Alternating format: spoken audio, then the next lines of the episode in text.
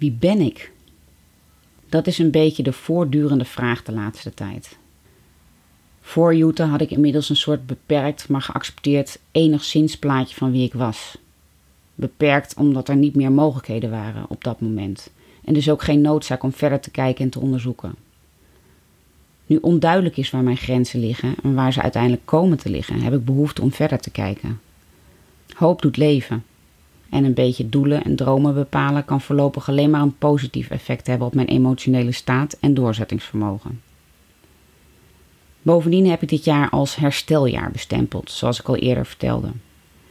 En gaat het over Bubblebee, vieren en druk zijn met leuke dingen. Onderzoeken en ontdekken en blijven herstellen, maar genieten van de reis. Mijn reis en die van mijn gezin met mij.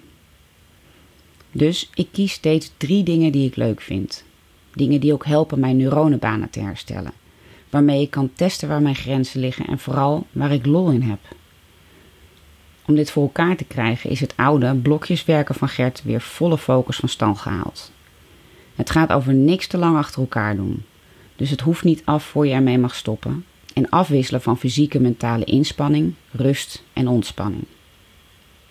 Maar omdat ik de afgelopen jaren met pijn en moeite het huishouden voor elkaar krijg, heb ik mij daar de afgelopen maanden vol op gestort. Met als gevolg geen tijd voor andere dingen. Ik ben gewoon echt niet gemaakt voor alleen het huishouden. Ik kan het goed, maar oh, wat word ik er ongelukkig van als dat het enige is. Back to the drawing board. Ik heb werkdagen ingevoerd. Iedereen in het gezin is op de hoogte. Die uren, op die dagen, doe ik alleen maar dingen voor mij. Ben ik aan het nadenken of ik misschien ook hobby's heb. Nooit echt gehad in mijn echt volwassen leven. Droom ik van hoe mijn ideale toekomst eruit ziet. Leer ik nieuwe dingen of lig ik een serie te kijken op bed? Gewoon omdat het kan. Zo ben ik bezig met een cursus AutoCAD, voor de lol. Lees ik af en toe, teken ik soms weer en heb ik een ooit aangeschafte cursus MPOP opgepakt. De afspraak is wel niet meer dan drie dingen tegelijk en als het even niet leuk is, dan valt het voorlopig weer af. En zo mijmer ik over wat mijn kwaliteiten nou eigenlijk nog zijn. Toen ik werkte, wist ik ze denk ik wel. Ik was te bescheiden en onzeker om het hardop te benoemen, maar ik wist ze wel.